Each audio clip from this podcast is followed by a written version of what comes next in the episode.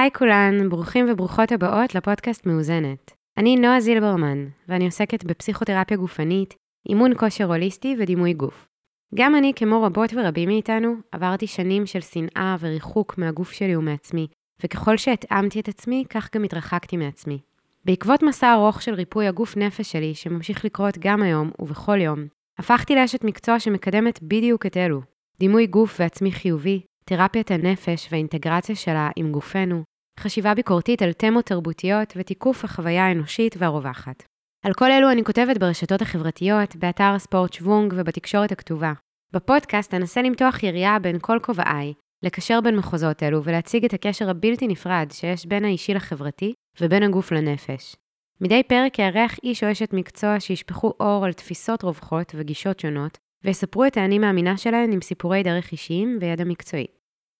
הפרק אירחתי את שי וייס, תזונאי קליני, מטפל וגם אקטיביסט של בריאות ודימוי גוף. שוחחנו על דימוי גוף לגברים, ולמה שי מעדיף לקרוא לזה כך ולא דימוי גוף גברי.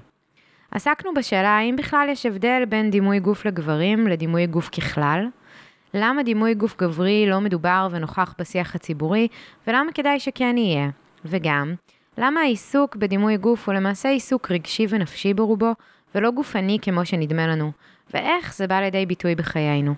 בואו נתחיל. שי וייס, איזה כיף שאתה פה.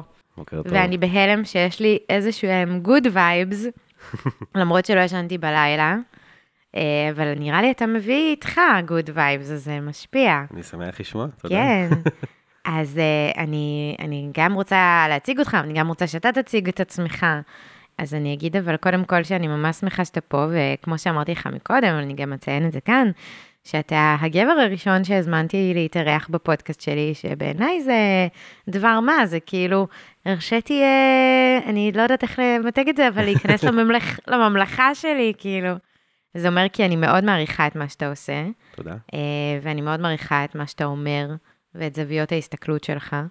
ואנחנו פה לדבר על דימוי גוף גברי, אז בוא קצת נכון. רגע קודם תספר עליך אה, ועל מה שאתה עושה, ונשמח. לשמוע. כן. אז קודם כל תודה, תודה על ההזמנה, וזה שהכנסת אותי לממלכה, כמו שאומרים, זה באמת מרגש. אז אני שי וייס, אני אה, בן 35, תמיד מתבלבל, בשנים האלה זה כזה, לוקח לי זמן שהיה לזכור בין כמה. אה, יש לי שני ילדים, גר בכפר שמריהו. מתבלבל בין 35 ל-53, כן. כאילו? לא, בין מה? 34, 5, 6, אה. תמיד כזה כן. מבלבל בשנים האלה. אני קורצת לא רואות, אבל אני קורצת, כן. כן, אה, אני מתבלבל. אמ, ובעשר שנים האחרונות אני אה, עובד, אני מוסמך כתזונאי קליני, זה בעצם ההכשרה שלי, אה, שגם תואר שני בחינוך לאורח חיים פעיל ובריא, שזה תואר שעשיתי במכללה האקדמית בווינגייט לפני שלוש שנים. ובוא נגיד שבעשר שנים האחרונות עברתי כל מיני שלבים מקצועיים, אה, החל מקידום בריאות אה, לעבודה יותר, אה, שזה היום בדיעבד, מרגיש לי נורא מוזר להגיד את זה, אפילו עבודה יותר דיאטטית נקרא לזה, בחברה שעובדת בירידה במשקל, זה היה בגלגול אחר אפשר לקרוא לזה. Mm, ומאז הקורונה היה איזשהו שינוי נורא משמעותי, עברתי יותר מהכובע של קידום בריאות ועבודה בבתי ספר, והרצאות, סדנאות, ככה זה גם בעצם הגעתי לדימוי גוף. אה, עברתי לטפל, ובשנתיים וחצי האחרונה יש לי קליניקה פרטית, שאני הבעלים, מנהל, והקליניקה יצאה בכפר שמריהו, ואנחנו בקליניקה מקדמים ומטפלים אה, בגישת הנון דיאט. מקבלים זה כי יש לך עוד אה, כן, תזונאים היום- שעובדים איתך? יש איתי עוד? עוד תזונאית אחת בשם הגר דקל, שהצטרפה לפני חצי שנה, כדי לתת מענה לכמה שיותר אנשים שאנחנו מצליחים להגיע אליהם. אז זה בשנתיים וחצי האחרונות הכובע, הפול טיים ג'וב שלי כמטפל. ובקליניקה אנחנו עובדים, בעיקר מתמקדים בטיפול תזונתי, רגשי, התנהגותי, מנסים להבין ככה את ה- איך המכלול הזה משתלב ביחד. את הקומפלקס המורכב הזה. כן, אה, וכמו שאמרתי, זה בגישת הנון דיאט, שזה גם מילה כללית, אם צריך להיכנס לזה היום, אז אה, ניכנס לזה, אבל באנו לדבר על נושא, נושא כן. קצת שונה. כן. טוב, זה נורא מעניין גם uh, בעצם לשאול, אני לא יודעת סטטיסטיקה, אבל uh, אני זורקת פה השערה, תקן אותי אם אני טועה, שיש יותר תזונאיות מתזונאים. חד משמעית, כן.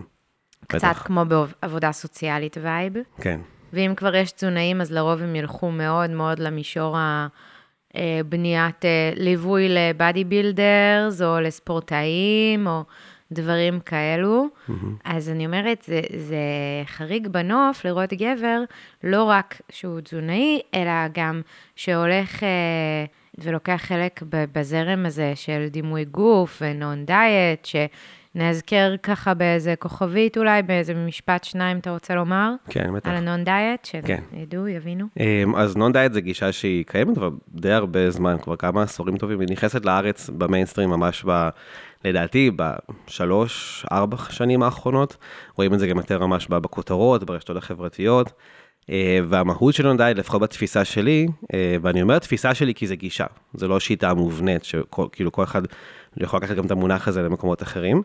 נון דיאט, לדעתי, המהות שלה זה גישה שעוזרת לאנשים לייצר מערכת יחסים יותר טובה עם האוכל. בתהליכים עצמם אנחנו נותנים מקום גם לפן הפיזי של האכילה, שזה מן הסתם הרכב האכילה, ובעיקר הרבה עבודה על, על התחברות למנגנוני הרעב הסוברטיביים של הגוף, ומשם רוב שגרת האכילה נבנית. כן. וגם הרבה מקום לחלק הרגשי התנהגותי של אוכל, מיתוסים שהם שכיחים מדי בחברה שלנו, אמונות מגבילות, כן. ומחשבות אוטומטיות כלפי אוכל, כלפי גוף. בעצם לייצר מערכת יחסים מיטיבה עם אוכל, ומיטיבה זה לא אומר, כמו שנהוג לחשוב, אה, תפריט מוקפד ו... ובריאוטיסטי. מיטיבה זה אומר אכילה אינטואיטיבית, חוויה רגשית נוחה מול האכילה ומול עצמי. נכון. סתם בא לי ככה לתת אפילו דוגמה ממש קטנה מאתמול בערב. אתמול בערב הייתי. כזה קצת רעבה, סליחה שאני קצת, אבל זו דוגמה ממש טובה. והיה לי מרק שהוא כבר בן כמה ימים כזה, אז אמרתי, טוב, ננסה. כאילו, הרתחתי אותו, ואתה מכיר את השלב הזה שהאוכל הוא לא מקולקל, אבל הוא גם כן. לא, הוא לא טעים כן, כבר, נכון. כאילו. ושמתי לי פרוסת לחם כזה בטוסטר. לקחתי ביס מהמרק, והייתי כזה, אני יכולה לאכול אותו, כאילו, כן, הוא בסדר, אבל זה פשוט לא טעים, כאילו, זה לא, mm, זה לא טעים, כאילו, זה לא כיף לי. ואמרתי, ואין לי כוח עכשיו להכין שום אוכל, מאוחר, אני עייפה. לא שזה עזר, כי לא ישנתי טוב בלילה, וזה למה אני שבורה היום, אבל בסדר, בקיצור. אז אמרתי, לא אכפת לי, מה, מה יהיה לי עכשיו נעים, נעים בפה, נעים מדויק רגשית. אז הוצאתי חתיכה של גבינה צהובה טבעונית, ואכלתי אותה על הפרוסת לחם, ונכון שגבינה צהובה טבעונית זה צ'ופר כיפי ולא בריא, אבל זה מה שהיה לי מדויק לאותו רגע, כאילו. אז כאילו, לצורך העניין, הנה אכילה קשובה. זה דוגמה אחת מהרבה כן. צורות שיכול לבוא לידי ביטוי, ואני חושב שגם בהרבה מקרים יש הרבה עבודה שצריך לעשות עד שמגיעים למצב שבן אדם נכון. יכול גם לזהות את הצרכים שלו ולהבין אותם, ובעיקר לסמוך עליהם. נכון. אה, וזה הרבה, זה החלק גדול מהעבודה בקליניקה כן, גם. לגמרי. אז uh, סתם זה היה לי ככה בראש, כאיזה דוגמה כזו. אז אני אומרת, אז נחזור רגע כן. אליך, שזה מאוד מסקרן אותי שאתה גם תזונאי שהוא גבר, mm-hmm. שזה כבר חריג בנוף יחסית, מספרית, וגם אתה תזונאי גבר שנמצא מאוד מאוד בתוך השיח של uh, לקדם uh, דימוי גוף מיטיב, וסביב uh, ביקורת, וביקורת על תרבות הדיאטה. ביקורת, ביקורת חריפה. כן, וניהלת... כן.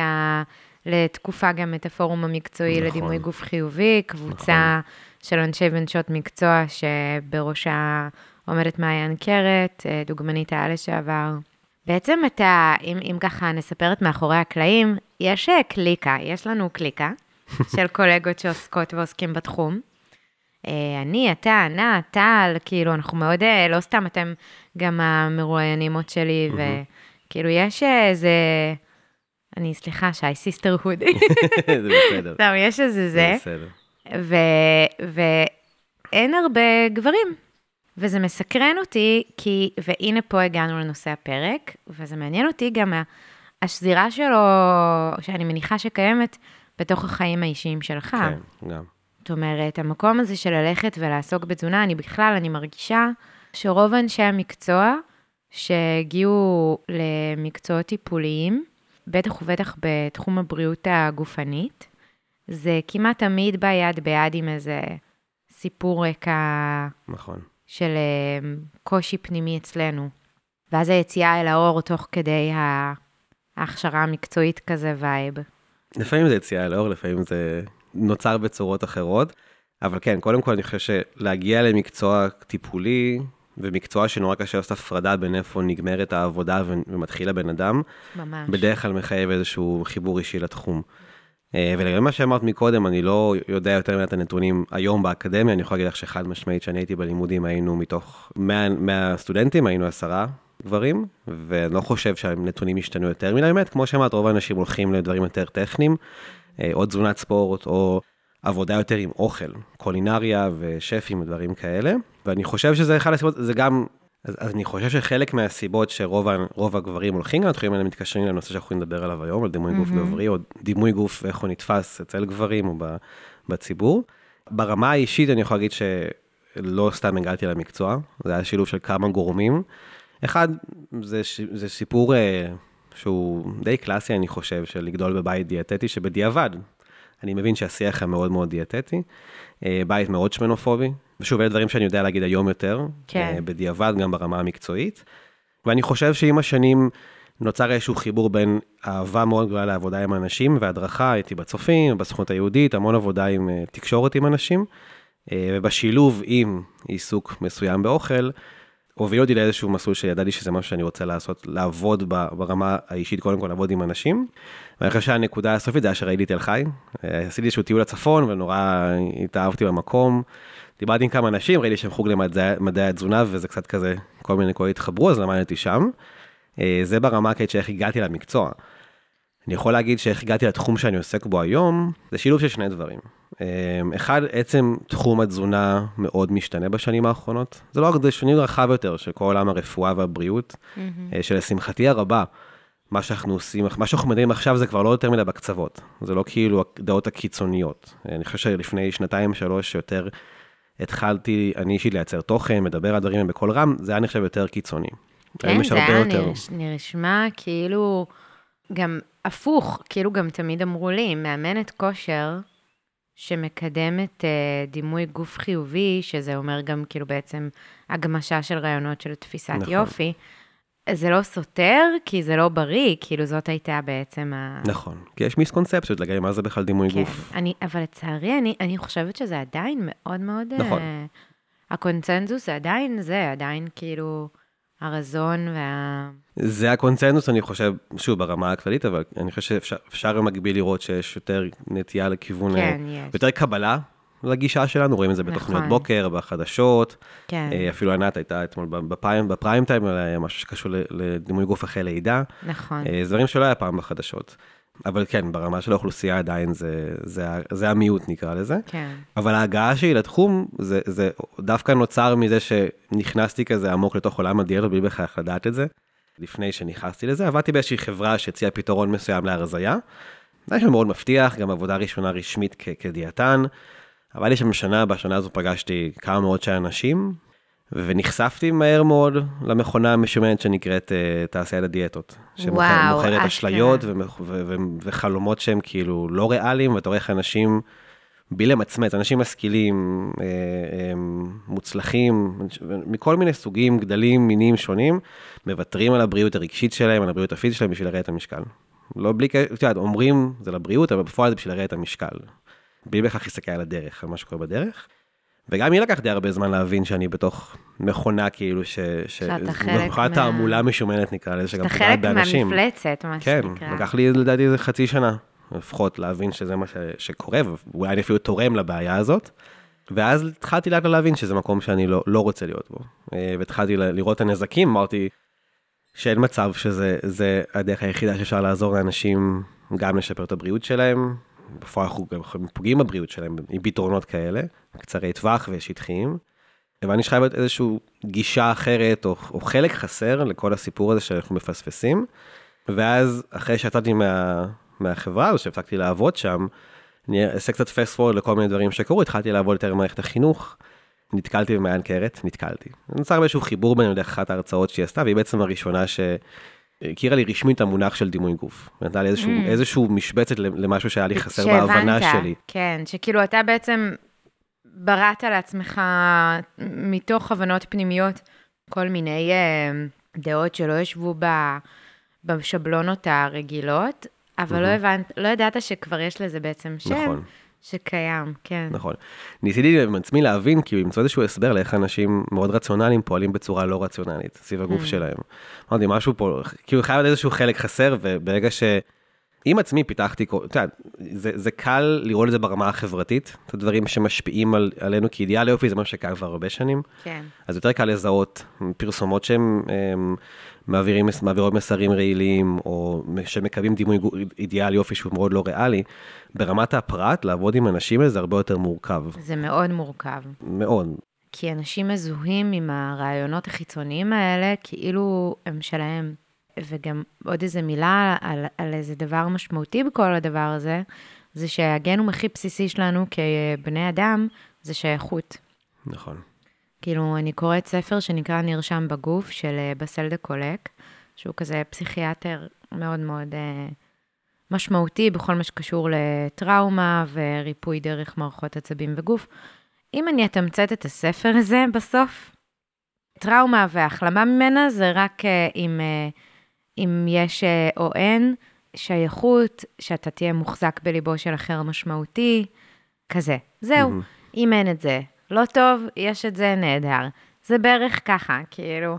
ואז אני לוקחת את הדבר הזה ואני אומרת, אוקיי, יש לנו חברה, וכאמור, כל המהות שלנו וכל המסוגלות שלנו להיות ברווחה ובבריאות, זה להיות בשייכות, זה הקו הדק שבין להיות בשייכות, לבין אבל להיות בגם נאמנות לעצמנו, אבל הבעיה היא שכשתנאי השייכות החברתי הוא לא מאפשר לבני אדם להיות בחיבור לעצמם, באותנטיות לעצמם, גם ברמת ה- האפשור של פיזיולוגיות הגוף, ככה הגוף שלי, נניח.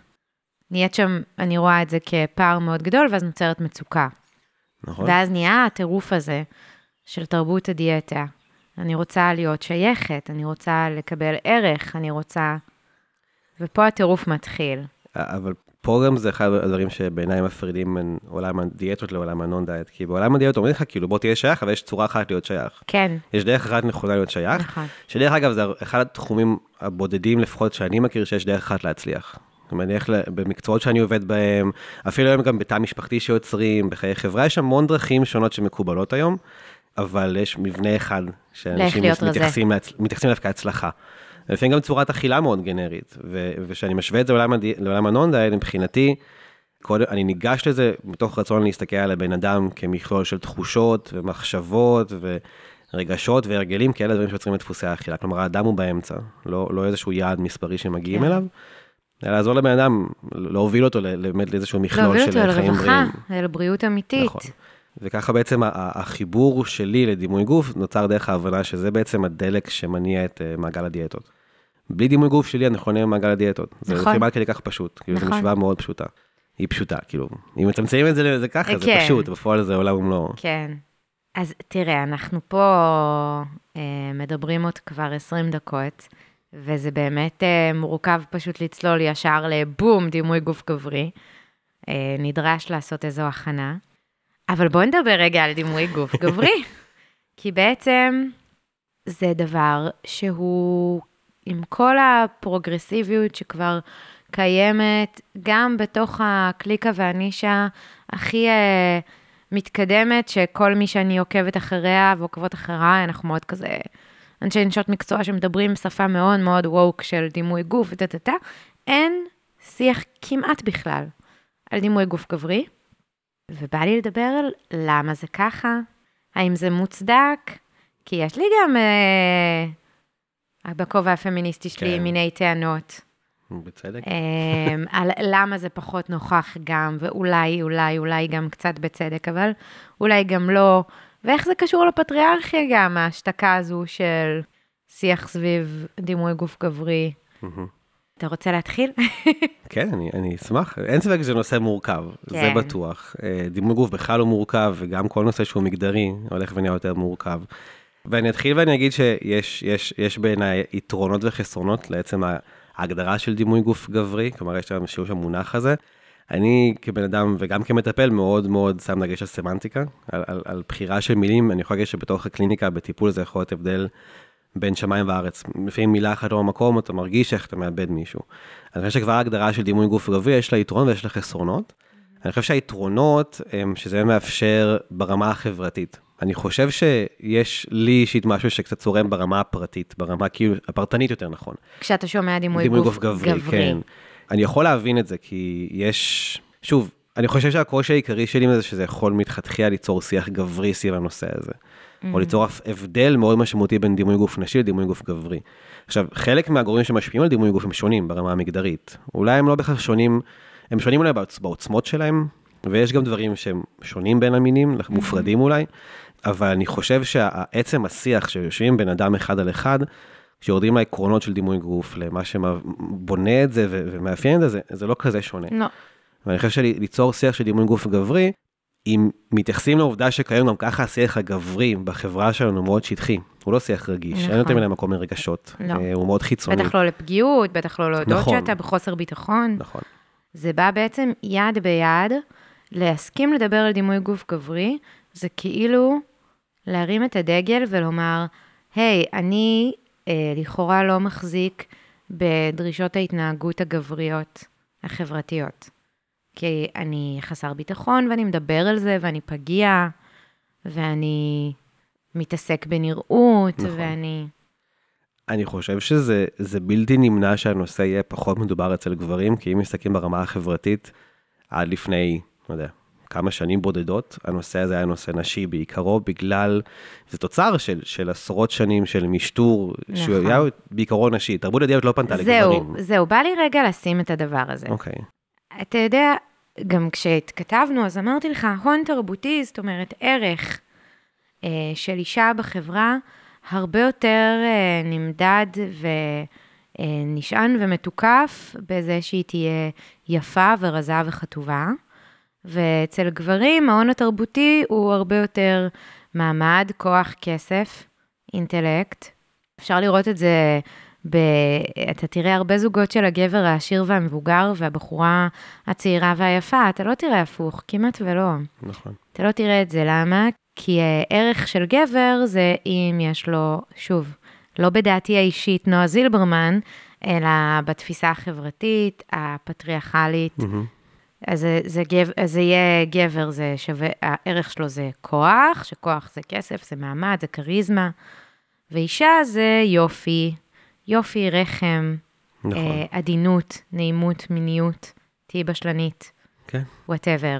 קטנה ושקטה, פחות או יותר. כן. כאילו. כן, אני ממש מבין. קטנה בהוויה ההתנהגותית, וקטנה פיזית. פיזית גם. ועדינה, ו... ואתה יודע, אני, אני באמת אה, עושה, כמו שאמרת קודם, סדנאות uh, לבני ובנות נוער על uh, דימוי גוף, כחלק מפרויקט uh, שאני עושה עם ויצו ועוד כמה קולגות נפלאות. ואני, כשאני נכנסת uh, לכיתה של נערות, ואני מבקשת מהן שימנו בפניי uh, תכונות uh, נחשבות uh, אצל נשים לעומת גברים, ותכונות, ש... כשאני אומרת תכונות, אני מתכוונת גם נראותיות וגם... Uh, פנימיות, התנהגותיות, כאלו. הן בעיקר, בעיקר ידברו דווקא על זה שגברים, כאילו, התכונ... הן כמעט ולא נותנות אפיונים חיצוניים לגברים. הן כאילו בעיקר יגידו שיהיה גבר-גבר, שלא יפגין רגשות, שיהיה תמיד יודע מה לעשות, שטה-טה-טה-טה-טה-טה. ואז כל הדבר הזה, אני אומרת, אז אוקיי, אז גם אתם באמת, סליחה שאני מצרפת אותך פה לאתם, לא בקטע זה, אבל גברים פחות נדרשים למלחמה האינסופית הזו של להישאר בנראות צעירה, אפרופו סוגריים. כשלג'ורג' קלוני יש שיער לבן וקמטים, זה סקס אפיל. כשאישה מזדקנת ומעפירה, היא מאבדת מהסקסיות שלה. כן. אז אני אומרת, אולי זה גם הגיוני, כי באמת אתם פחות נדרשים. למראה מצומצם, מוקפד, זה פחות, הערך שלכם פחות נמדד בזה. מצד שני, לא. זאת אומרת, מצד שני, יש המון גברים שסובלים, שגם לי יצא להתקל אישית, בין אם לקוחות שלי ובין אם גברים שיצאתי איתם אה, לדייטים, ושסובלים מדימוי גוף שלילי. כן. ויש להם המון בושה סביב זה, ואין להם מקום לדבר על זה. זה מורכב בעצם, כי הגם וגם הזה. זה מאוד מורכב, ובהחלט זה, זה גם וגם, כלומר, זה, זה, שני הדברים האלה מתקיימים במקביל, ואני מסכים איתך, אני גם, אני גם רואה את זה בקליניקה, כלומר, יש לי גם כמטפל, לפעמים אני, אני מאוד uh, מודע לצורה שאני מנגיש את הנושא המגדרי בתוך השיח על דימוי גוף. כי מה אתה כי מרגיש? רוב המטופלות שלי הן נשים. אז יש, יש איזשהו, um, אי אפשר להתעלם מהעובדה ש, שמה שאת אומרת הוא נכון, שעד לפני, לא יודע, כמה שנים, קשה להגיד עם מספרים מדויקים, השיח הזה לא היה קיים לדעתי יש פה גם סיבה שהוא, שהוא היה פחות מקום אה, לשיח רגשי אצל גברים, ודימוי גוף הוא שיח רגשי, הוא לא שיח פיזי, וזה נכון. נגיע לזה בהמשך, אבל אי אפשר להתעלם שתרבות הדיאטות שהיא קיימת כבר די הרבה זמן, כאילו זה לא משהו חדש מהמאה ה-21, היא מופנית באופן ספציפי לנשים. אז אחת הסיבות שאין הרבה שיח על דימוי גוף גברי, זה כי התעשייה שלקחה חלק עיקרי בפגיעה בדימוי גוף הייתה מוכוונת לנשים.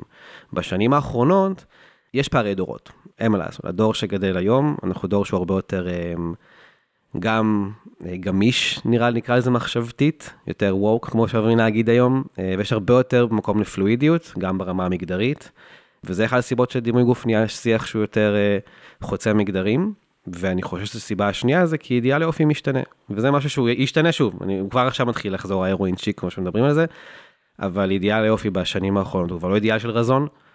אחת הסיבות לזה לדעתי זה כי אנשים ויודעים להגיד היום שתרבות הדיאטות לא עובדת, אבל הם לא מוכנים לשחרר את חלום הרזון. אז יודעים להגיד דיאטות לא עובדות, אז עכשיו נרדוף אחרי חיטוב. כן, אתה חושב שזו הסיבה? אני חושב שזה אחת הסיבות. זה לא כזה פשוט הקרדשיאנס מכתיבות לכולם איך לחיות? זה, זה גם, זה חלק מזה, כאילו הם, הם חלק משמעותי מזה, אבל אני חושב ש... תראה, יש לזה המון גורמים, כלומר, גם ברמה הבריאותית, הבריאותית יש הרבה יותר מודעות לאימוני כוח בכל הגילאים, ויותר חשיבות לפעילות גופנית, וגם פעילות גופנית, התעשייה של טרנדים ו- ו- וסטודיואים שמאוד אופנתיים, ובגדי יוג, ובגדי ספורט שהם ממותגים, כלומר, יש גם את הכניסה של עול- עולם הפעילות הגופנית לאוכלוסייה הכללית, שזה משהו שהוא מבורך, אבל ביחד עם זה מגיע גם איזושהי אה, דחיפה מאוד אגרסיבית של תרבות החיטוב לתוך האוכלוסייה הכללית, שזה אחת הסיבות שלדעתי שגם רואים עלייה בשכיחות של הפרעות אכילה ובעיה בדימוי גוף אצל גברים. כי אידיאל לאופי הוא שרירי. לא ידעתי שיש עלייה. תראי, לנקוב במחקרים ספציפיים, חשבתי על זה, גם בדקתי מחקרים, זה, זה טיפה בים, אבל כמגמות יש עלייה. אה, אנחנו, הנתונים הרבה יותר גבוהים ממה שחשבנו, סביב הפרעות אכילה בדימוי גוף אצל גברים, והמגמת עלייה היא בשתי המגדרים, בעיקר בגלל הקורונה ועוד כל מיני, הקורונה האיץ את זה, אבל כל מיני שינויים תרבותיים שתיארתי. שבעיקר לדעתי זה השינוי, זה, זה, שהמגדרים נהיו יותר פלואידיים, וגם זה שתעשיית החיטוב נכנסת יותר ל- למיינסטרים.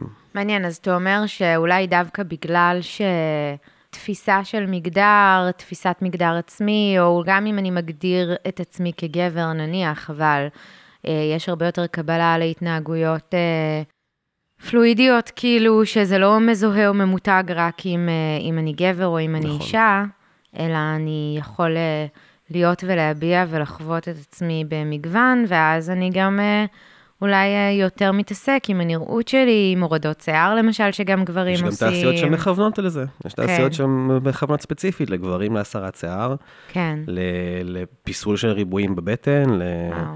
לפיסול הסנטר, אמרתי להגיד פסנתר, אבל של ג'וני בראבו כזה, מרובע כאילו. וואי, ג'וני היי, בראבו. עם, ג'וני. שנים לא חשבתי עליו. תחשוב, נכון, איזה דמות- אבל איזה זה הקדים את דמות- זמנו, זה הקדים את זמנו ממש. נכון, ואיזו דמות אה, שמייצגת מאוד את ה... כאילו, כן? אני מאוד, בטעמי האישי, כן, חוליו נוחר. בקיצור, אה, אני אומרת שג'וני בראבו, הדמות הזו מסדרה מצוירת למי מכן שזוכרת או מכירה, אז הוא היה כזה בנראות קיצונית של משולש ובלורית אה, אה, בלונדינית, ו... וכזה חלק שיער נראה לי כן. גם. קיצור, ואני אומרת... אה, הוא היה מאוד טיפש. והוא היה מאוד טיפש, כאילו באמת אה, איזושהי דמות אה, פרודית לאידיאל הגברי האמריקאי, החתיך והסתום והבוק. אבל אתה יודע, אני, אמרת משהו, כמה פעמים אמרת אותו, מהמם. ונשארתי מאוד סקרנית לגבי זה. אמרת שאתה מאוד נזהר בקליניקה עם שימוש במילים כאלו ואחרות, מה שאני מבינה לחלוטין, גם אני מטפלת ומנסה לשים לב ולדבר ברגישות, בטח סביב נושאים כאלו. לגמרי. אבל מעניין אותי ספציפית אל מול אה, שיח על דימוי גוף גברי, מה אתה מרגיש שצריך אה, להיזהר בצורה שונה מול גברים, זו שאלה טובה. האמת שכשמדברים על זה עכשיו, אני חושב שלא עצרתי לחשוב על זה עד היום בצורה מגובשת, אלא משהו באינטואיציה הרגישי שאני צריך לעשות את זה.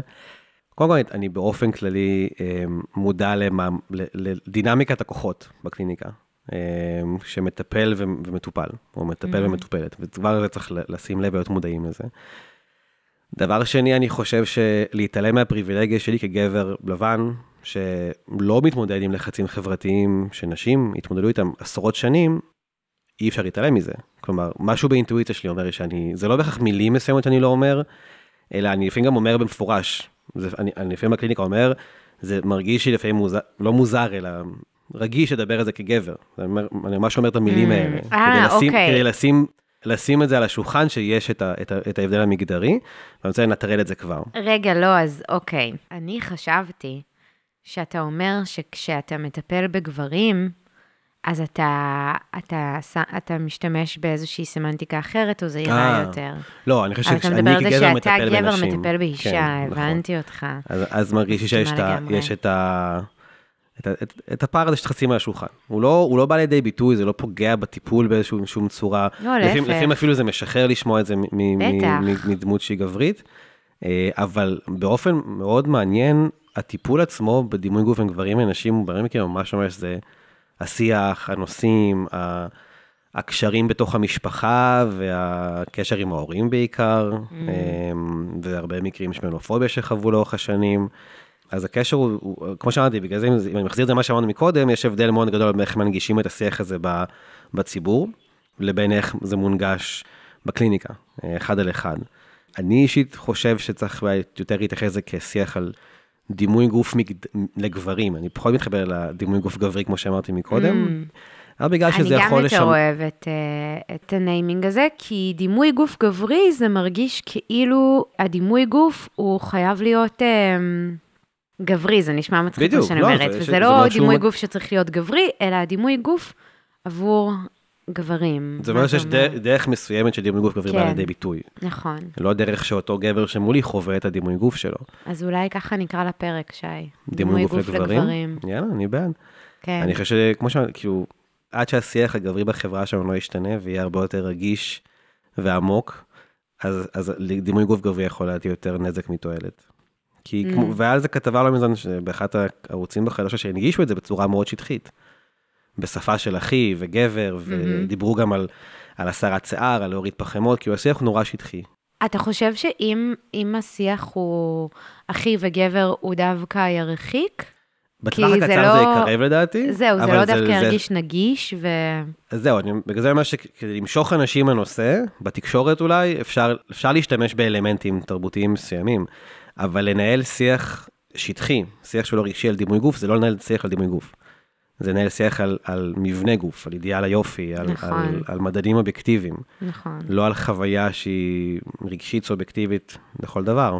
אתה יודע, אמרת מקודם שבקליניקה אתה פוגש בעצם אה, חוויות מאוד דומות, אם לא זהות, אה, בלי קשר אה, למין או מגדר, ואני תוהה, מה, מה החוויות הרווחות שאתה פוגש? אולי בכלל, אבל אולי כן, אם יש בפרט חוויות שאתה רואה שגברים מביאים לתוך הקליניקה, שהן כאילו נפוצות.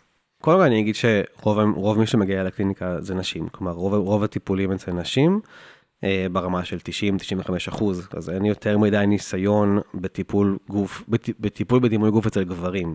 מעבר לסדנאות שהעברתי לנערים, אבל זה לא טיפול, mm-hmm. זה העלאת מודעות. כן. אבל כשזה כן, אז אני חושב דרך אגב שאחד הסיבות שלא פונים הרבה גברים, זה כי השיח הזה עדיין לא, לא מרגיש להם מספיק קרוב אליהם, כאילו קשה להתחבר אליו. לגמרי, יותר מזה, כמו שאמרת מקודם, המקום הזה של אה, להביא פגיעות, להביא רגישות, זה בעצם לבוא לטיפול שהוא לא באמת תזונתי קלאסי, זה טיפול רגשי סביב נכון. איך שאני תופסת את עצמי, סביב איך שאני, אני מדברת בלשון זכר, כן, אני מדמה גברים, חברות. אה, זה בעצם להביא רגישות, לא להביא להביא פגיעות, רגשות. לדבר על רגשות, וכמה השפעה, אה, לצערנו, לא טובה, כן? נכון. יש אה, להסללה מגדרית שמסרסת, מסרסת גברים מלדבר רגשות, מסרסת נכון. גברים מלדבר רגשות מורכבים, מלהבין רגשות, כי אם בעצם מגיל מאוד צעיר, כל פעם שהבאת רגש או פגיעות, או בכלל לא הבאת, כי סביבך כל המודלינג שספגת לאיך אני אמור להתנהג, היה ללא הדבר הזה, אז אתה לא מתרגל את זה עם חברים, בעוד אה, בנות אוכלות את הראש מגיל מאוד צעיר. אז אתה לא מתרגל את זה עם חברים, אז אם, אם אני לא מתרגלת רגשות בלדבר עם, עם אחרות מגיל מאוד צעיר, אחרות ואחרים, אז אני גם אולי לא בהכרח יודעת מה אני מרגישה. בטח. לא יודעת לשיים את זה, אני לא יודעת להבין, ואז אני בטח לא יודעת לתווך את זה החוצה. אז כאילו אפילו הרבה מעבר לבושה, זה איזשהו skill, זה איזשהו שריר, שגברים אה, ממש אה, מסונדלים מלפתח אותו.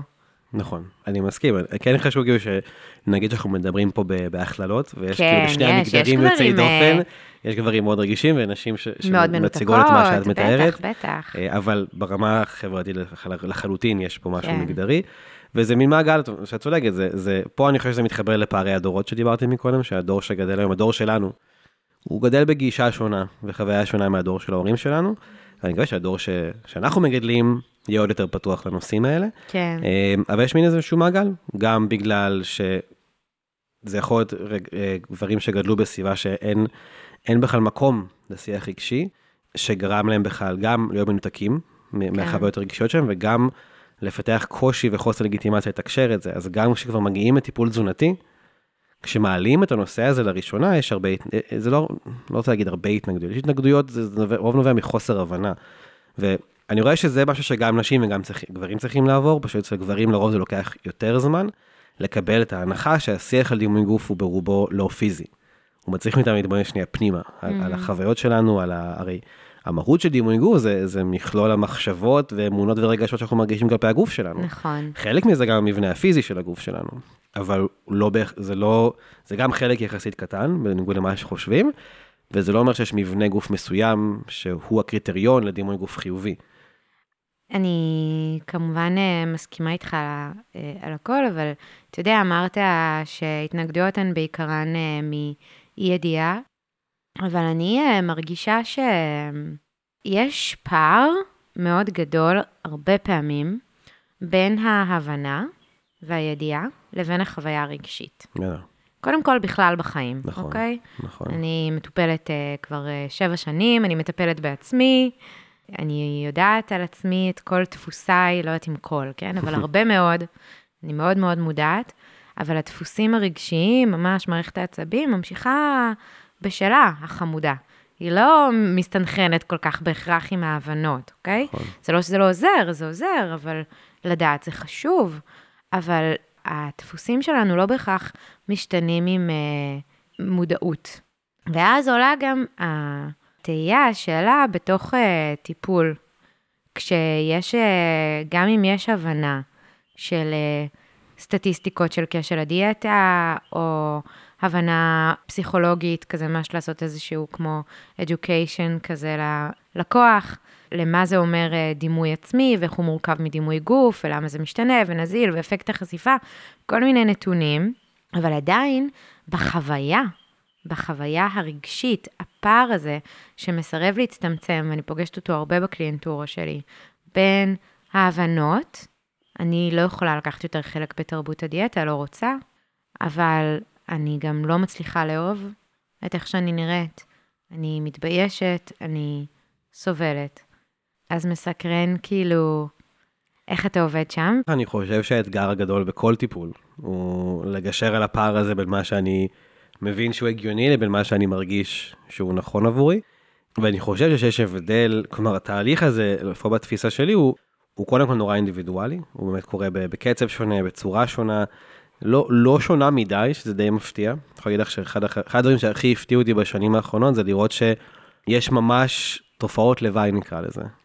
לחיים בתוך עולם הדיאטות, ולפגיעה נקרא לזה מאידיאל היופי. יש דפוסי חשיבה מסוימים שנוצרים, דפוסי התנהגות שנוצרים, נקרא לזה המוח הדיאטטי.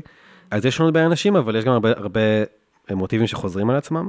אני חושב שהמטרה זה לקחת את העקרונות של דימוי גוף חיובי, או דימוי גוף בכלל, וכמו שאמרת, יש את, ה, את השלב שמתחילים לדבר על הדברים, ברמה הרציונלית, ולאט מתחילים גם לחבר את זה לחוויות האישיות של הבן אדם.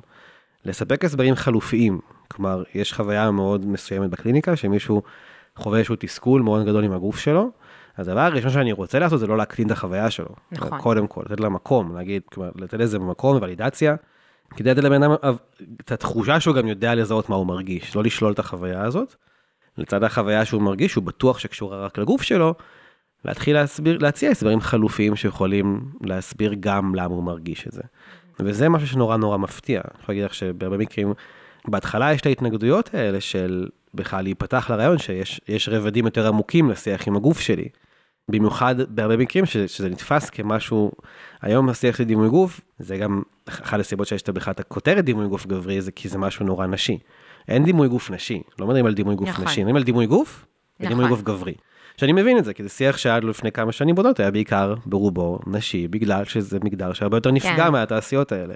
אני חושב שאחד אחד החששות זה, זה לדבר על זה, כ- כי יש הרבה, כי זה נתפס כשיח, נתפס באופן סטיגמטי כשיח שהוא נשי.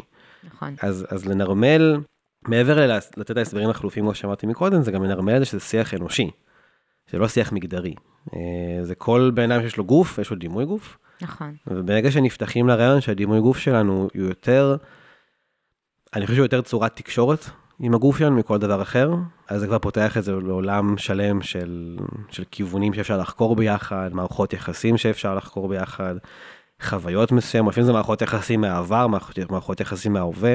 מעניין, איזה הקשר אתה עושה בין מערכות יחסים לדימוי גוף, בקליניקה או בכלל? אז המערכת יחסים הראשונה והכי חשובה שעולה זה מערכת יחסים עם ההורים.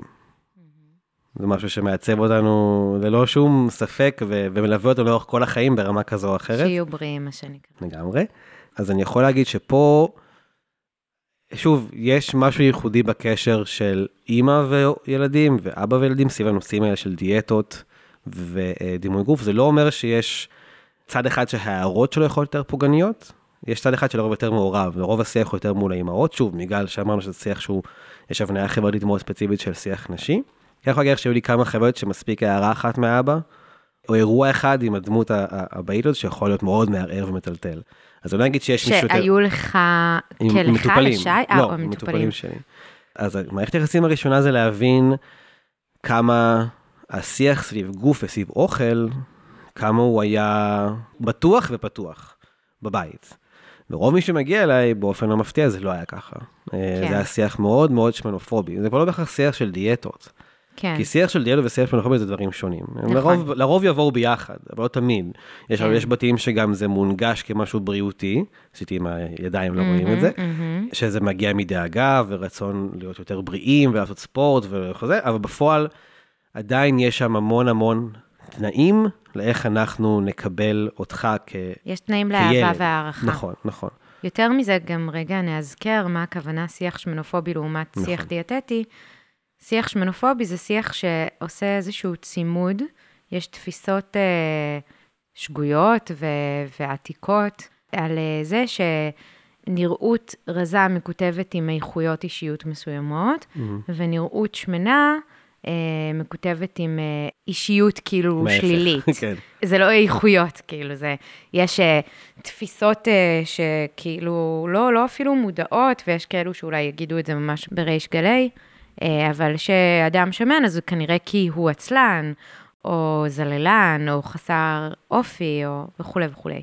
ואז אנחנו גדלים וגדלות לתפיסות ולרעיונות האלה חברתית, אבל אם זה גם מאוד חזק ונוכח בבית שבו אנחנו גדלנו ספציפית, זה אז זה העוגן. עוד יותר. זה המקור. ואז, מה הטרגדיה? הטרגדיה זה ש, שזה לא רק דימוי גוף שלילי, זה כבר אני תופסת את עצמי כבת אדם פחות מוצלחת, ראויה ושווה בתכונות האישיות שלי.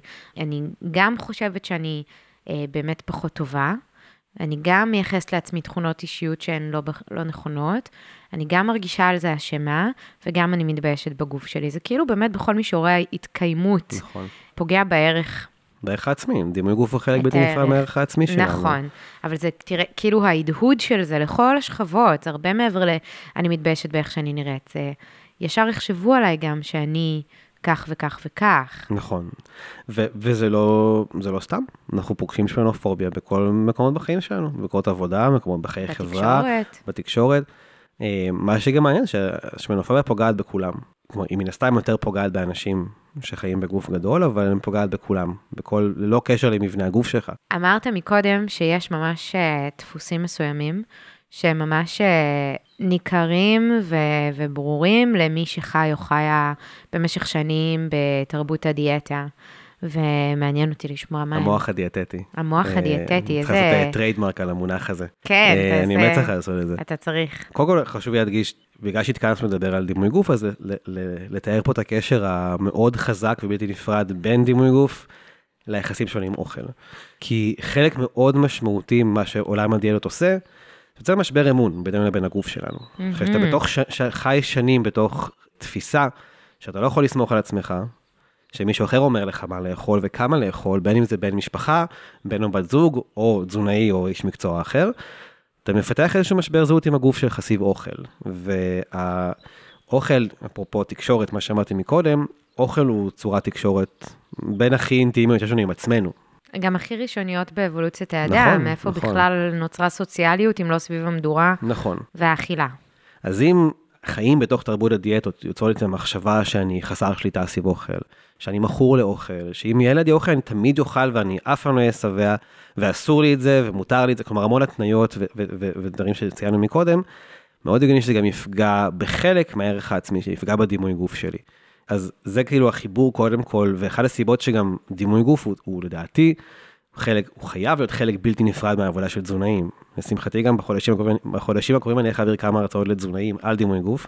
יש גם מגמה שזה נכנס יותר להכשרות מטורף המקצועיות. להזייתי שזה בכלל לא בסילבוס של אני לא- האקדמיה. לא שמעתי על המונח הזה עד לפני 3-4 שנים, ממעיין קרת. פשוט לא הוזכר מטורף. בתואר פעם אחת, ממה שאני זוכר. אני מסכים איתך. זה כמו, אני, אני מנסה לחשוב על כאילו דוגמה, לא יודעת, זה, זה מטורף, זה כמו ש... זה כמו לתכן בית, בלי לדבר על התשתיות שלו. בלי לדבר עם המהנדס בניין והאדריכל, כן. אלא רק אה, להסתכל על הצבע ועל העיצוב. כן. רק, רק ארכיט- ארכיטקט, אני לא יודע אם כאילו... זה כמו שלא יודעת, אה, מדעי הצמח ילמדו על צבעים של צמחים. על צבעים. של צמחים, נכון, כן, זה בדיוק. כאילו כן, מטורף. נכון. זה פשוט הזיה ברמות.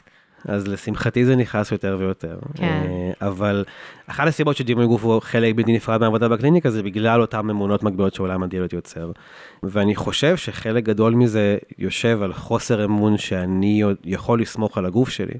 כי שנים בתוך עולם הדיאלות יוצ- יוצרת את המחשבה שיש בפנים איזושהי מפלצת שרק מחכה להתפרץ החוצה. כן. עכשיו המפלצת הזאת היא בעצם תוצר של צמצום והימנעות וכל מיני חוקים.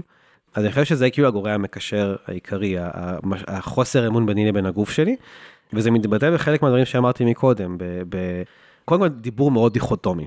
אני תמיד יכול לאכול, אני אף פעם לא שבע, אני, אם יהיה לידי עוגיות אני תמיד אוכל את כל החבילה. כלומר, דברים שהם מאוד דיכוטומיים, שהם אמונות מגבילות יותר מכל דבר אחר, אבל אתה ממש רואה שחלק מזה יושב על הלגיטימציה לאכול, כמה אני בכלל מאפשר לעצמי לאכול ולהגיע לשובע, אה, בין אם זה לבד או בין אם זה ליד אנשים.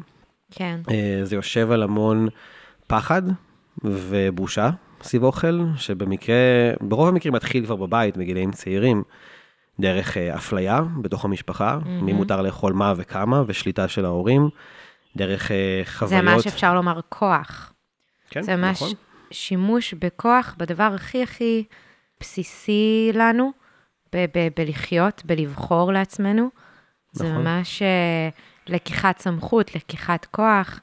נכון. אני, אני רוצה גם uh, לשים פה את הדבר הזה של uh, בסופו של דבר, הרבה, הרבה אנשים חווים וחוות את זה שהאוכל הוא מווסת, או מסמא, או מפצה. לא בהכרח ישימו לב שזה הדבר, אה, אבל שזה משהו שקורה. ואז גם הרבה פעמים אכילה, בוא נאמר שהיא כפייתית, לא מאוזנת, כן? אני לא מדברת על אני לפני וסת, בא לי מתוק, כן, זה ברור. בסדר. כאילו. טוב, לנו זה ברור, להרבה אנשים זה לא ברור. כן, אני אני אזכר את זה כאן, שזה בסדר. או לקחתי עוד מנה או שתיים בארוחת שישי, כי היה לי טעים ואיזה כיף. אנחנו לא, לא מדברים עוד על זה, אלא באמת אכילות שהן אה, כפייתיות, מזיקות אה, לתפקוד שלי ליומיום, לבריאות הנפש, לבריאות הגוף. הרבה פעמים זה גם ביטוי, ביטוי ללא לא לעשות איזשהו עיבוד ומקום ומענה לחוויות הרגשיות שלי, או למצוקות שלי, או לוויסות שלי, ואז דווקא מהמקום הזה שסוגרים ופה אסור, אז לשם הרבה פעמים זה, זה יתפרץ ויבוא לידי ביטוי, וזה גם בעיניי בא יד ביד עם בעצם כל מה שדיברת עליו, זאת אומרת, זו קרקע נהדרת ופוריה, לייצר אנשים עם מצוקה רגשית, שבסוף יפתרו אותה באכילה לא מיטיבה. באכילה או בפעילות גופנית, או בניסיון להיכנס לאיזשהו מכנס מסוים. כן. יש המון, אה, המון ריצוי בעולם הדיאטות. בגדול, Mm. זה גם איזושהי דעה שאני מתחיל לגבש עם עצמי בחודשים האחרונים, מהמם. שהקול הדיאטטי הוא קול של ריצוי חברתי.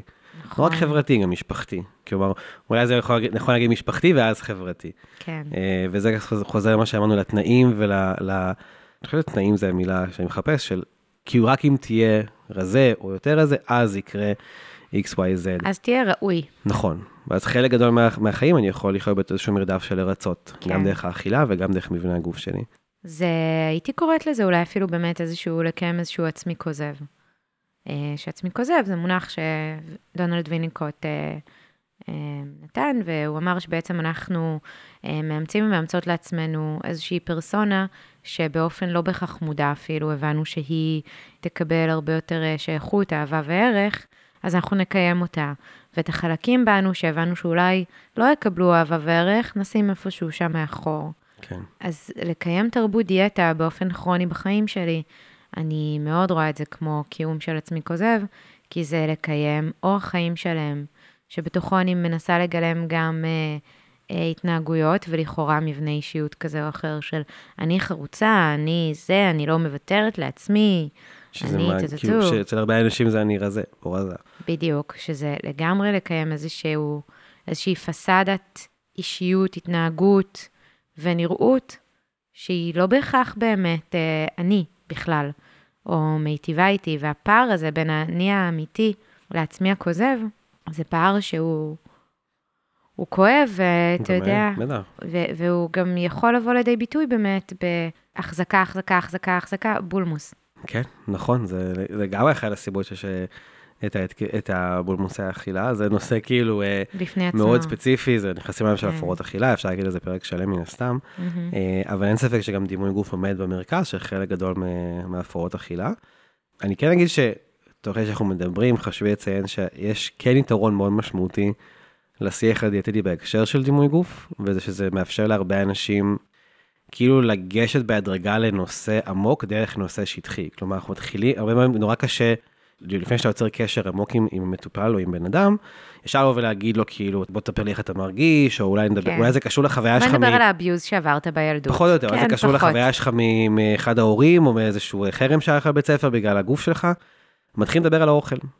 אוכל הוא משהו שטחי, אמרת שבעצם יותר אה, שיש קל לגשת, ש... כן. ולדבר דרך האוכל, ולא להכניס אותו עכשיו לאיזה שיח מאוד מאוד בהתחלה, אינטימי נכון, ופגיע. נכון, כן. היתרון, אני אומר שהיתרון זה כי הרבה אנשים לא רואים את החיבור הזה בהתחלה, בין איך שאני אוכל לדימוי גוף שלי, למרות שזה חיבור כאילו שהוא אה, מאוד עוצמתי, אז לפעמים נורא יותר קל להתחיל לדבר על, מה זה יותר, ככה בדרך כלל מתחילים תהליכים, לדבר על מה שאוכלים. אבל עם כל מיני כלים שמשתמשים בקליניקה, אפשר די מהר גם להגיע, לפתח שיח עמוק יותר. שדרך האוכל להבין מה היחסים שלי כלפי הגוף שלי, מה הציפיות שלי ממנו, מה האמונות שיש לי מה כלפיו. החוויה הרגשית שיש לי מול זה? נכון, כי ומשם מה אנחנו קורה גם אם נכנסים. אכלתי? אז מה זה גורם לך להרגיש? נכון. אתה יודע, יש לי איזה משהו בראש לאורך כל הפרק שאנחנו ככה מקליטים עוד, גם עוד מעט צריך לסיים, לצערנו הרב. וזה משהו שמתכתב עם, ה, עם ה, מה שדיברנו עליו, על הפער שבין ההבנה לבין החוויה הרגשית, ואז גם הקושי אצל, אה, אולי, אצל גברים, לעשות איזושהי הסכמה לגעת בכלל בדבר, להודות את הקושי. יש לי אה, חברה, לקוחה, שהיא סיפרה על סבתא שלה, שהיא מאוד מאוד אה, הדור הישן, השמנופובי, המופרע יותר, שסבתא שלה אמרה לה, את יודעת, אה, אני מבינה שיש לי הפרעת אכילה, שזה היה מאוד סנסציון, כאילו שהיא הייתה בשוק שהיא אמרה את זה. כי היא גדלה באיזה דור שזה לא, זה לא נחשב הפרעת אכילה, זה, זה הרגיל.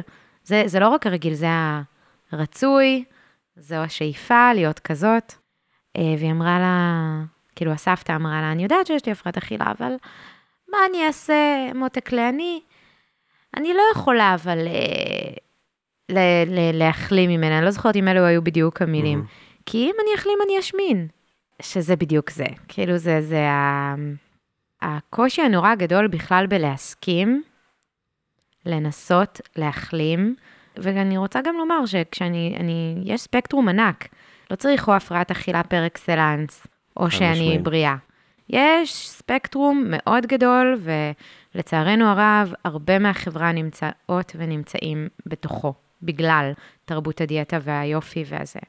אז הפחד, כאילו, גם אם יש את ההבנה נניח, הפחד להסכים לעשות תהליך לשינוי הדפוסים וההרגלים המצמצמים והמלקים, כי אם אני אפסיק, אז אולי אני אשמין. ואז כאילו, זה, זה כמו איזשהו לופ. כן. פחד מהשמנה הוא נושא שהוא עולה המון בקליניקה, וזה נושא מאוד מורכב. אה, אני חושב, כאילו, יהיה פה נושא מאוד חשוב, ויש כאילו שני דברים שכאילו, אני רוצה להגיד בהקשר הזה. אחד, חד משמעית, את צודקת שיש טווח מאוד רחב של דרכים שאנחנו רואים מצוקה בדימוי גוף. זה לא תמיד בא לידי ביטוי בהרגלי אכילה. זה יכול לראות גם מה- מהצד או לראות כלפי חוץ כמישהו שהוא עומד בסטנדרט מאוד מסוים ואוכל מאוד במרכאות בריא ומתאמן בצורה מאוד שאנשים מעריצים, כלומר מהצד, מבחוץ זה יכול לראות מאוד טוב. מהמם. והרבה פעמים זה מגיע ברמה שיותר, אחרי שהשם בן אדם מדבר איתו על המצוקה שלו. ואני אומר את זה כי בתקשורת נורא מקצינים את זה. בדרך כלל כשדימוי גוף עולה, הוא עולה ביחד עם הפרעות אכילה. בכתבות, וזה ברוב המקרים לא חייב להיות ככה, כלומר, כל בן אדם יש לו דימוי גוף, בעצם זה שאנחנו חיים ואנחנו נושמים וקיימים, ומאוד טבעי שלחלק מהאנשים יהיה מצוקה, במיוחד בגלל החברה שאנחנו חיים בה, ולא חשוב לזכור שאין איזשהו רף מינימלי שצריך להגיע אליו בשביל לבקש עזרה או בשביל לדבר על הדברים האלה, נכון. וגם אם זה בכלל רחוק ולא מגיע עם הפרעת אכילה, זה לא אומר שזה לא בעיה מורכבת בפני עצמה. ואני חושב שלגבי הפער בין, כאילו, בין מה שאמרת, ההבנה, ל- ל- ל- להבנה הרגשית, אני חושב שאצל הרבה אנשים הקושי הוא גם להיות מוכנים לעצור ו- ולהרגיש. זה לא רק עניין של לדעת, וכאילו להיות בדואינג כל הזמן, של לצאת לדיאטה, מה אני עושה עכשיו, איך אני פותר את הבעיה, אלא לשאול בתוך הבעיה. כי הרי בדרך כלל, אם אנחנו חוזרים למעגל הדיאטה שדיברנו בהתחלה, אני לא נתקלתי במצב שזה התחיל ממקום חיובי. לא נתקלתי עם מישהו שהתחיל דיאטה, כי הוא הרגיש טוב עם הגוף שלו. נכון. זה מתחיל מאיזשהו רגע של מצוקה. המצוקה וחוסר היכולת שלי להכיל אותה ולתת לה מקום, שזה מתקשר למה שדיברנו הרבה פעמים, לגדול בסביבה שאין מקום להביע קושי, אין מקום לדבר על רגשות, הכל בסדר, זה המשפט הישראלי הכי מסוכן באיך שאני כן, יכול לחשוב עליו שהוא עולה. בקליניקה. נכון. אז אני חושב שה... הרי יש, יש את המצוקה, משם יש פעולה אימפולסיבית, ואני נרשם לתוכנית הרזייה, מפסיק לאכול גלוטן, מתחיל לרוץ 10 קילומטר כל יום, רק כדי לפתור את זה כמה שיותר מהר. אז חלק מאוד חשוב מהעבודה על דימוי גוף, גם אצל נשים וגם אצל גברים, זה רק לעזור, לגרום לאנשים להסכים לשהות בתוך הקושי שלהם. לתת להם מקום לה- להכיל את הקושי ולהחזיק את זה ביחד איתם. כן. לו בכלל, ולידציה. בטיפול. בכלל. אני, יש משפט ששמעתי מ- ממור, מור טלר, אמ, שנורא מלווה אותי, וכאילו דיברנו, דיברנו על זה שבעולם הדיאטה אתה רק מחפש להרגיש יותר טוב. רק רוצה כל הזמן להרגיש יותר טוב, שלא יהיה לי צרות. שהכל יהיה מושלם, אני אתחיל לדיאטה והכל יהיה נהדר, והגוף המושלם וכו'. ואנחנו לא רוצים רק להרגיש יותר טוב, רוצים גם להיות יותר טובים בלהרגיש את מה שעובר עלינו.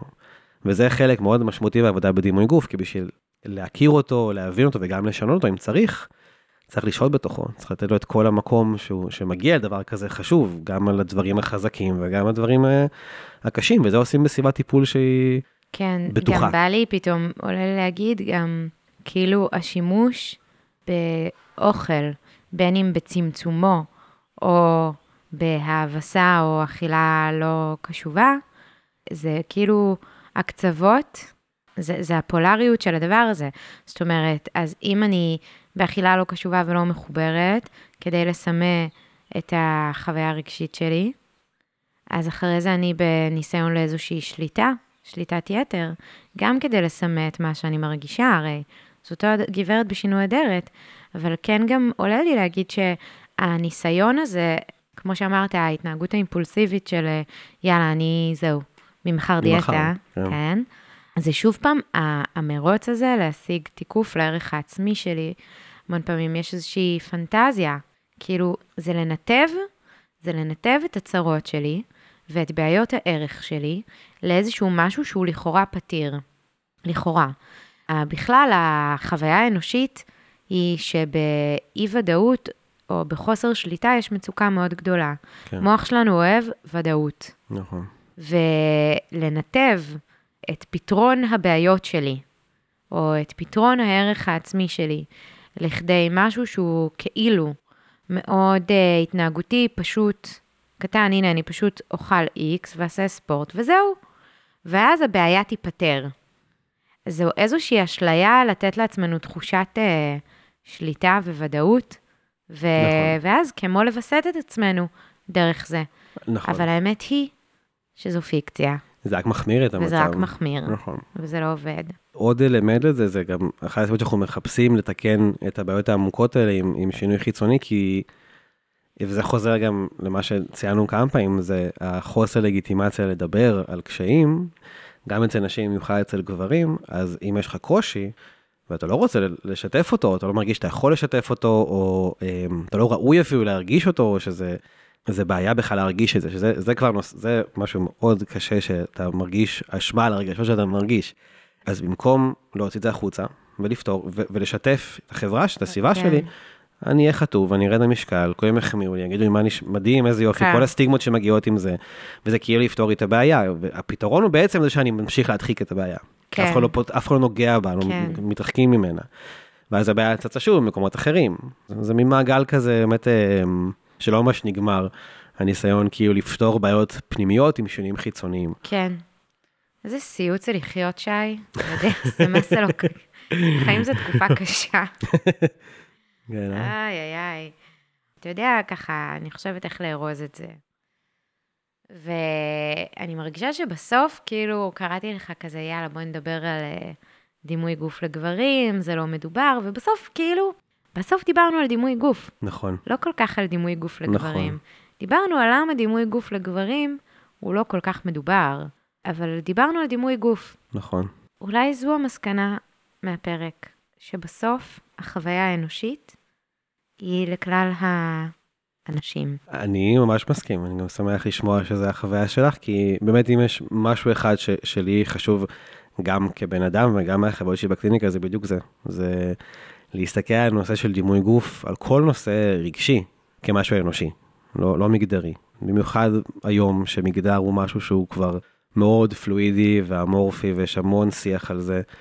אבל צריך, צריך כן להיזהר. כאילו, אתה אומר את זה ואני קולטת את הפמיניסטית שבתוכי נדלקת, כי אני אומרת, אי אפשר להתעלם מההדהוד של אה, תפיסות תרבותיות אה, נכון. בתוכנו. נכון.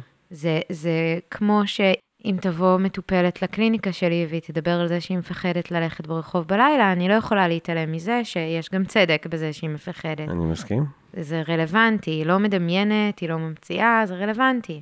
אז כאילו כן חשוב לתת תוקף לחוויה שלנו כפרטים בחברה. יחד עם זאת, לתת לגיטימציה אה, לכלל המגדרים, לדבר על החוויה הרגשית שלהם. כי לכולם יש לגיטימציה להרגיש ולדבר ולהיות, זה, עם זה אני מסכים. שזה זה מה שאני כאילו רוצה להוציא כאן. זה לא שאין הבדלים, אבל זה לא אומר, זה שיש הבדלים לא אומר שגם אין המון אה, דומי בחוויות. אני חושב שאנחנו לא רוצים לקבוע לבן אדם מה ההבדלים מבחינתו. אם באמת לוקחים את זה ולדעתי לסכם את זה למשפט, זה, שוב, זה, זה להיות מודעים ל, כן. ל, ל, לתופעות חברתיות שהובילו למצב הנוכחי, אבל במקום מסוים לעשות הסללה מגדרית לשיח על דימוי גוף, זה להמשיך אל אותה בעיה שיצרה גם את הקושי נכון. בדימוי גוף. צריך לתת לזה את המקום לבוא לשיח הזה בצורה מאוד פתוחה נכון. ואמורפית, ולתת לבן אדם להעלות הרבה דברים בקליניקה, ולתת לבן. אדם לתפוס את מה שמרגיש לו לא, נכון. בתוך קליניקה חד וחלק, ותכלס גם בכלל, לתת מקום לדבר על דימוי גוף של גברים ודימוי גוף של כלל המגדרים. נכון, אולי אפשר לעשות. איזה משהו, מה אתה אומר? מה נעשה? מה? לא יודעת. בא לי לצאת עם איזה... לא יודעת. בוא נעשה איזה מיזם, בוא נ... כאילו. למישהו מאיתנו יש זמן לעוד משהו, אבל... אה, כן. לא, אני חושב, כאילו, אני חושב שזה מאוד מורכב להעביר את ה... גם תמיד כשבאים לבקש לי לעשות הרצאות על דימוי גוף אה, לנערים, זה הכי, הנושא הכי מורכב מבחינתי שיש, כי עוד לא. עשו את זה עדיין מבחינתי. מדברים על דימוי גוף, אני, אני בדיעבד גם מבין שהצורה שאני העברתי את זה, יצרה הסלמה מגדרית מסוימת. כי אתה ישר מדבר על חיטוב, ישר מדבר על, על האידיאל הגברי, אתה לא מדבר על דימוי גוף עצמו. אני חושב שגם כשעושים הרצאות, צריך קודם כל להתחיל עם... כי הוא דימוי מקום גם למה זה דימוי גוף כבן אדם, והלחצים החברתיים שכל מגדר מתמודד איתו, מה שמשותף ומה שנפרד. כן. אה, לגבי מיזם זו שאלה טובה, אני אפשר לחשוב על משהו. בוא נחשוב על זה. אה, בכיף, אני תמיד אה, לקדם את הנושא הזה חשוב. שי, היה לי ממש ממש לעונג. גם לי, עבר מהר. כן. בא לי לשאול אותך לסיום, אם יש משהו נוסף שהיית רוצה לומר. קודם כל אני אגיד שאני שמח שהנושא הזה מקבל במה, ולהיות הגבר הראשון בפודקאסט הזה. שנכנס לאוהל האדום. זה כבוד שאני אקח על עצמי. אני מקווה שהצלחנו לעשות סדר בנושא הכזה מורכב, אה, כי באמת, מה שמדהים, אבל מאוד מפחיד לפעמים בשכל דימי גוף, זה שהוא מגיע לכל מקום כמעט.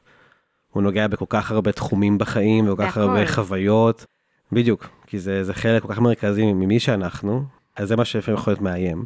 אז אני מקווה שעשינו בשיחה קצת ככה סדר ונקודות חשובות, אה, והצפנו את הנושא הזה. טוב, מותק, תודה רבה רבה שבאת, שי וייס. תודה לך. נשתמע. תודה שהייתן איתנו, ואם אהבתן את הפרק, מוזמנות לשתף אותו איפה ועם מי שנראה לכן שתתערם ממנו. למעקב אחריי ואחרי התכנים שלי באינסטגרם, אני נמצאת בנועה זילברמן 869, N-O-A-Z-I-L-B-E-R-M-A-N 869, ובפייסבוק בנועה זילברמן, מקף אמצעי, מאמנת כושר בודי פוזיטיבית. פרק יצא אחד לחודש, מוזמנים עוד לעקוב. נתראה בפרק הבא.